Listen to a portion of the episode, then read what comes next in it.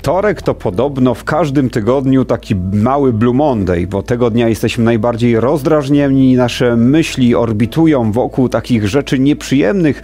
Naukowcy z Uniwersytetu z Cardiff zdiagnozowali, że najwięcej negatywnych wpisów w social mediach pojawia się właśnie we wtorek e, tego dnia i wymagamy najwięcej troski, najwięcej opieki, dlatego też powinniśmy zadbać o siebie, mm, gdyż po tym, kiedy w poniedziałek jesteśmy jeszcze w takim trybie weekendowym, e, naładowani pozytywną energią, we wtorek powoli, powoli zjeżdżamy już w dół na wzgórzu rutyny.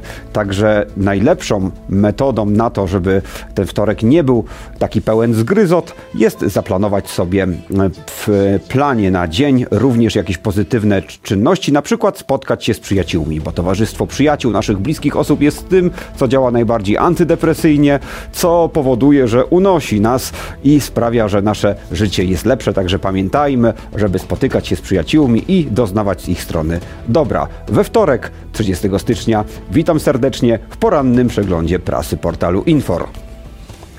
Jakie imiona były najpopularniejsze w roku 2023? Właśnie poznaliśmy dane za ubiegły rok.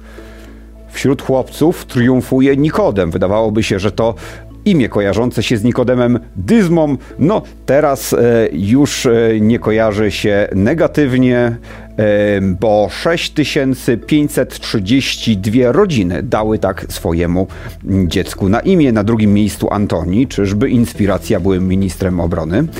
E, na trzecim miejscu Jan, dalsze pozycje to Aleksander, Franciszek, Leon, Jakub, Ignacy, Mikołaj i Stanisław. Nie wiem, czy też macie takie odczucie? Troszeczkę trąca to duchem dwudziestolecia międzywojennego. Ale jak wiadomo, mody wracają również jeśli chodzi o imiona. E, natomiast dziewczynki na pierwszym miejscu Zofia, ale tuż za nią Zuzanna, także Z, Z. Dalej Laura, Hanna, Maja, Julia, Oliwia, Pola, Alicja i Maria. Tak wygląda top 10 polskich e, imion. A Wam jakie się najbardziej podobają imiona? Dajcie znać w komentarzach. To dzisiejszy artykuł e, na infor.pl. Właśnie ten ranking imion za 2023 rok. Dziennik Gazeta Prawna, dzisiaj dodatek FIR prawniczy i przedsiębiorczy wtorek, a w nim Ukraińcy wyjeżdżają z Polski. Już się przyzwyczailiśmy, że jesteśmy społeczeństwem w zasadzie dwunarodowym, e, że e, nasi koledzy i koleżanki ze wschodu są po prostu integralną częścią tego społeczeństwa, ale jest ich coraz mniej. E, podczas gdy w 2023 roku w lipcu 49% polskich przedsiębiorstw zatrudniało osoby z Ukrainy, w październiku było już tylko 40%. Dlaczego?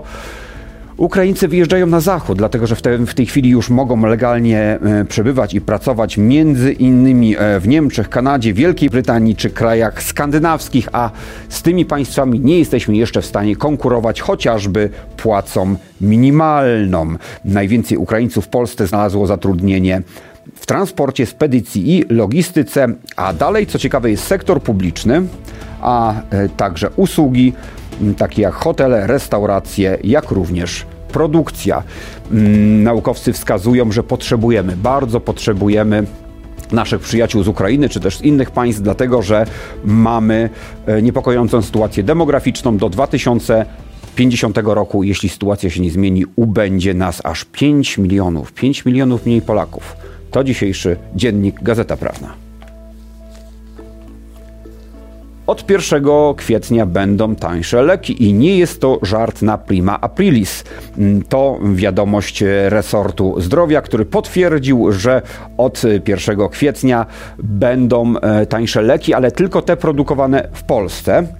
Mm, te wyprodukowane w Polsce i e, z udziałem substancji czynnej wyprodukowanej w Polsce, czyli tego głównego, głównej substancji w leku, w leku, która działa, będą tańsze o 15%, natomiast te, które zostały wyprodukowane poza Polską, ale substancja czynna jest z Polski, kosztować będą mniej o procent 10. Dzięki tej ustawie Polacy zaoszczędzą prawie 360 milionów złotych rocznie. To dzisiejszy dodatek do Gazety Prawnej, przedsiębiorczy i prawniczy wtorek. Ministerstwo Cyfryzacji tworzy Dream Team informatyków, e, ludzi, którzy znają się na zaawansowanych e, technologiach. Resort mm, chce, aby cyfryzacja była tym e, motorem napędowym polskiej gospodarki, który w ciągu najbliższych dziesięcioleci wywinduje nas do top 10 najbardziej rozwiniętych gospodarek świata. Taki ambitny Plan przedstawił wczoraj na spotkaniu e, w resorcie Krzysztof Gawkowski, minister cyfryzacji. Mm, w skład takiego Dream Teamu doradczego mm, weszli między innymi tacy ludzie jak Tomasz Czajka, który pracował wcześniej, wcześniej dla SpaceX i dla Google'a, mm, a także e, Karol Kurach, e, który wcześniej miał doświadczenie w Kosmos AI, a także również w Google. Ludzie z wielkich korporacji, z wielkich firm technologicznych, big techów będą doradzać polskiemu rządowi na jakie tory wstawić tą naszą gospodarkę. To dzisiejszy puls biznesu. Dzisiaj mamy dzień takich porad, jak uczynić nasz kraj lepszym miejscem do życia. E, w ten pejzaż wpisuje się również dr Maciej Gerwin, politolog, specjalista do spraw demokracji deliberacyjnej. Wychodzi on z inicjatywą, by obok Sejmu i Senatu powstała trzecia izba polskiego parlamentu byłaby to Izba Obywatelska, licząca od kilkudziesięciu do kilkuset osób, w zależności od potrzeb, zajmowałaby się tworzeniem różnych e, projektów, mm, rozmawianiem o tym, jak na przykład poprawić działanie samorządu, jak poprawić sądownictwo.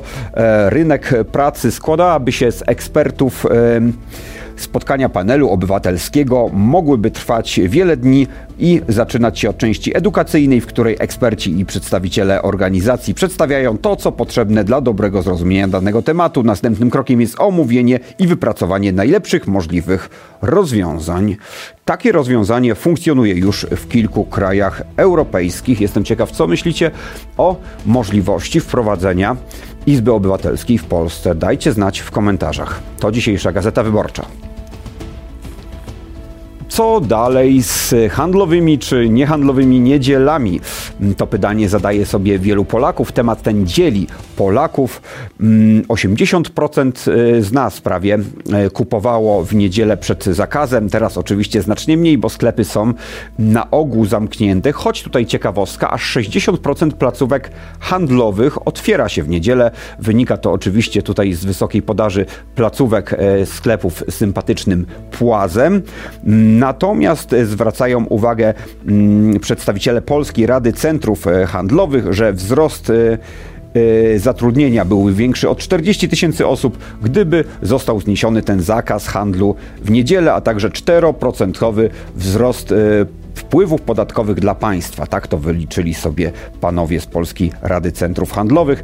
Co ciekawe, zwolennikami przywrócenia niedzieli handlowych są również działacze e, Związku Zawodowego Związkowa Alternatywa, pod warunkiem, że zostanie wprowadzona dwuipółkrotność stawki za pracę w niedzielę. To też ciekawe, jakby zareagowali pracownicy, gdyby za dwa i pół razy większą stawkę można by było w ten siódmy dzień tygodnia pracować.